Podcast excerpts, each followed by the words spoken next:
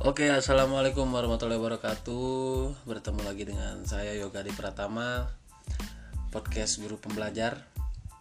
Hari ini hari Jumat tanggal 29 Juni 2019, eh 2020. Kenapa 2019? Karena saya rindu 2019. 2020 terlalu banyak hal-hal yang membuat kita tercengang. uh, ya 2020 erat kaitannya dengan pandemi corona COVID-19.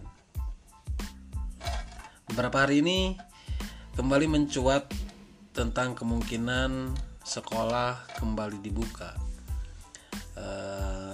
Salah satunya dari Gubernur DKI Jakarta, Bapak Anies Baswedan yang memiliki skenario skenario tentang bagaimana nanti sekolah dibuka pada tanggal 13 Juli atau pada saat tahun ajaran baru. Nah, kemungkinan kemudian kebijakan ini kemungkinan kebijakan ini bergulir di media sosial, di media mainstream dan menjadi uh, perbincangan yang hangat tentang bagaimana sih uh, skenario baru atau perlu nggak sekolah dibuka lagi ketika pandemi belum reda baru-baru ini uh, Ibu Retno dari KPAI melakukan survei sederhana sebetulnya memakai Facebook. Survei memakai Facebook.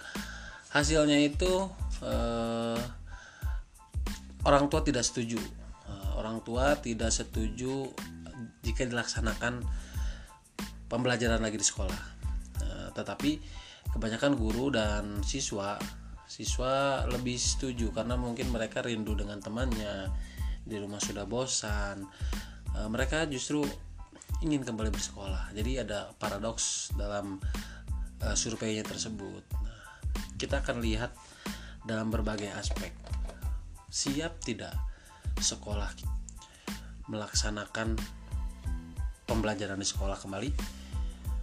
Kita bisa berkaca dari negara-negara eh, tetangga negara-negara lain yang sudah menerapkan kebijakan uh, sekolah kembali dibuka seperti di China uh, sudah kembali dibuka sekolah tetapi dengan protokol kesehatan yang sangat ketat uh, fasilitas pun mereka memadai.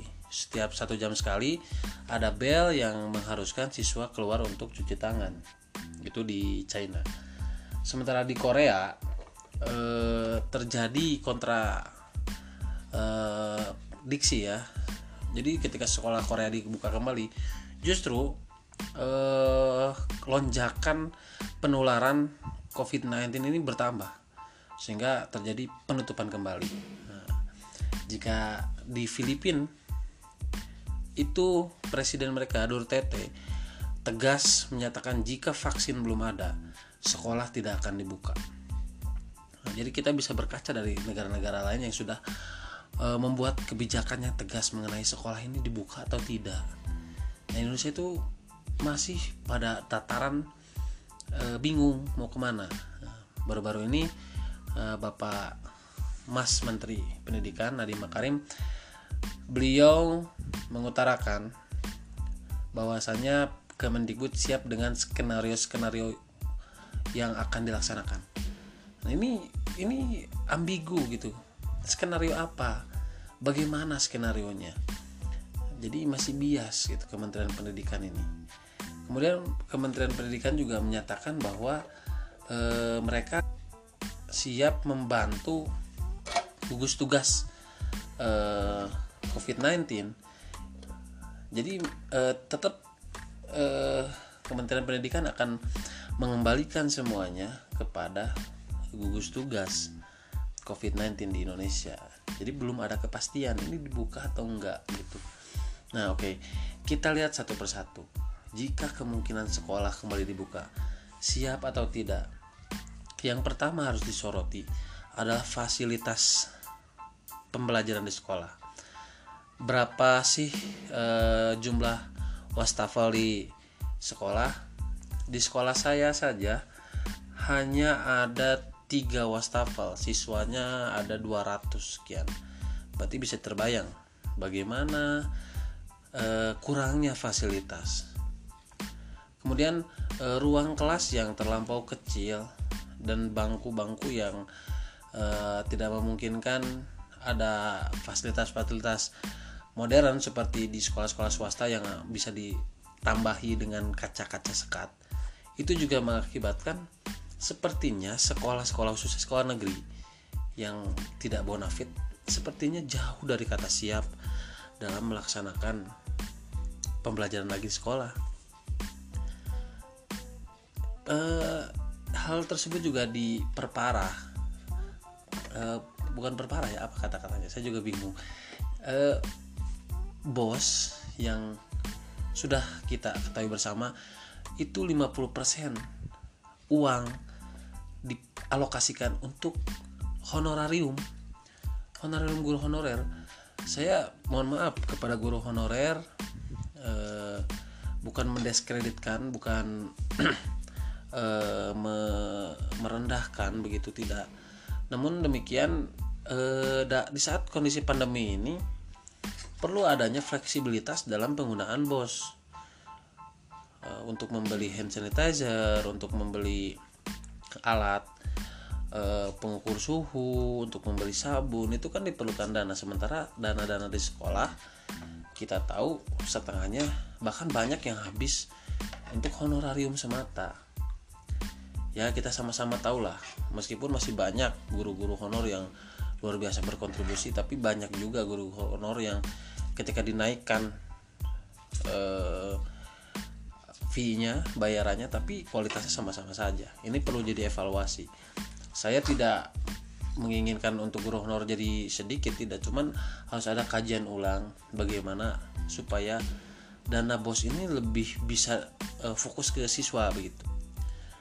Nah selanjutnya uh, dilihat uh, bos tadi memang kurang memungkinkan karena memang sudah hampir uh, 50% dipakai untuk honorarium uh, jadi kita berpikir bahwa Sepertinya sekolah di Indonesia itu kurang siap jika melaksanakan pembelajaran di sekolah. Eh, karena itu beresiko, sangat beresiko ditambah jumlah siswa itu standar menurut eh, standar nasional pendidikan itu 30 20 sebetulnya tapi yang bergulir sekarang penerimaan peserta didik baru itu satu kelas 35 orang 35 anak jadi berbahaya. Nah, namun demikian, jika pembelajaran di rumah dilanjutkan kembali, sudah barang tentu siswa juga bosan. Siswa ingin segera kembali ke sekolah, bertemu dengan teman-temannya, bertemu dengan guru, dan banyak siswa yang potensinya bagus justru redup karena berbagai alasan, uh, utamanya alasan finansial tak mampu beli kuota dan lain sebagainya. Itu jadi alasan yang utama. Jadi jika pembelajaran online dilanjutkan juga tidak tidak terlalu efektif. Uh, guru juga ya saya tanya ke teman-teman saya uh, dalam membuat media ajar mereka sudah sepertinya uh, sudah tidak membuat lagi itu sudah ya sudah seperti dulu lagi mungkin ya. Jadi di awal-awal saja semangatnya. Tapi itu wajar karena memang ada titik jenuh di sana. Kemudian eh, siswa yang mulai merasa bosan pembelajaran online merasa terbebani itu juga menjadikan eh, alasan salah satu alasan bahwa sebaiknya sekolah segera dibuka sekolah segera dibuka lagi. Begitu. Hmm, jadi bagaimana? Dibuka atau tidak? Tidak atau dibuka? Nah kalau pen, menurut pendapat saya lebih baik e, menggunakan skenario e, pembelajaran yang mana sebagian siswa di sekolah dan sebagian sekolah dibuka. Jadi yang pertama sebagi, e, sebagian sekolah dibuka. Maksudnya gimana? Maksudnya dalam satu kota e, itu dilihat sekolah mana saja yang sudah siap melaksanakan pembelajaran yang bonafit, sekolah swasta-swasta yang bagus, yang siap melaksanakan protokoler itu kembali dibuka. Namun sekolah-sekolah yang belum siap, fasilitasnya belum lengkap, sebaiknya tidak dulu dibuka. Itu yang pertama. Skenario yang kedua eh, menurut saya itu sebagian siswa eh, masuk sekolah. Nah ini sangat saya rasakan ketika eh, jumlah siswa saya 31 orang. Yang aktif dalam pembelajaran online hanya 21 orang. Sisanya itu tidak aktif. Nah e, merujuk pada protokol kesehatan yang harus ada jarak itu bisa dimanfaatkan dengan baik. Jadi e, yang aktif belajar online itu dilanjutkan. Hmm, guru tetap membuat media online. Nah yang tidak aktif belajar online yang tidak aktif ini kan agak faktor finansial faktor hmm, jarak misalnya faktor sinyal faktor kemalasan. Karena kan ada yang siswa itu malas kalau disuruh sama orang tua tapi kalau sama guru baru semangat. Nah itu bisa jadi faktor supaya siswa yang tidak aktif belajar online itu sekolah. Nah tentu dengan protokol kesehatan yang ketat. Nah, pertama gurunya dulu di swab test terus uh, dites ya semuanya terus siswanya siswanya dites dulu dicek suhu tubuh setiap hari uh, setiap uh, sejam sekali cuci tangan dan diberi jarak ketika di kelas. Nah, itu mungkin bisa jadi salah satu upaya supaya memaksimalkan pembelajaran.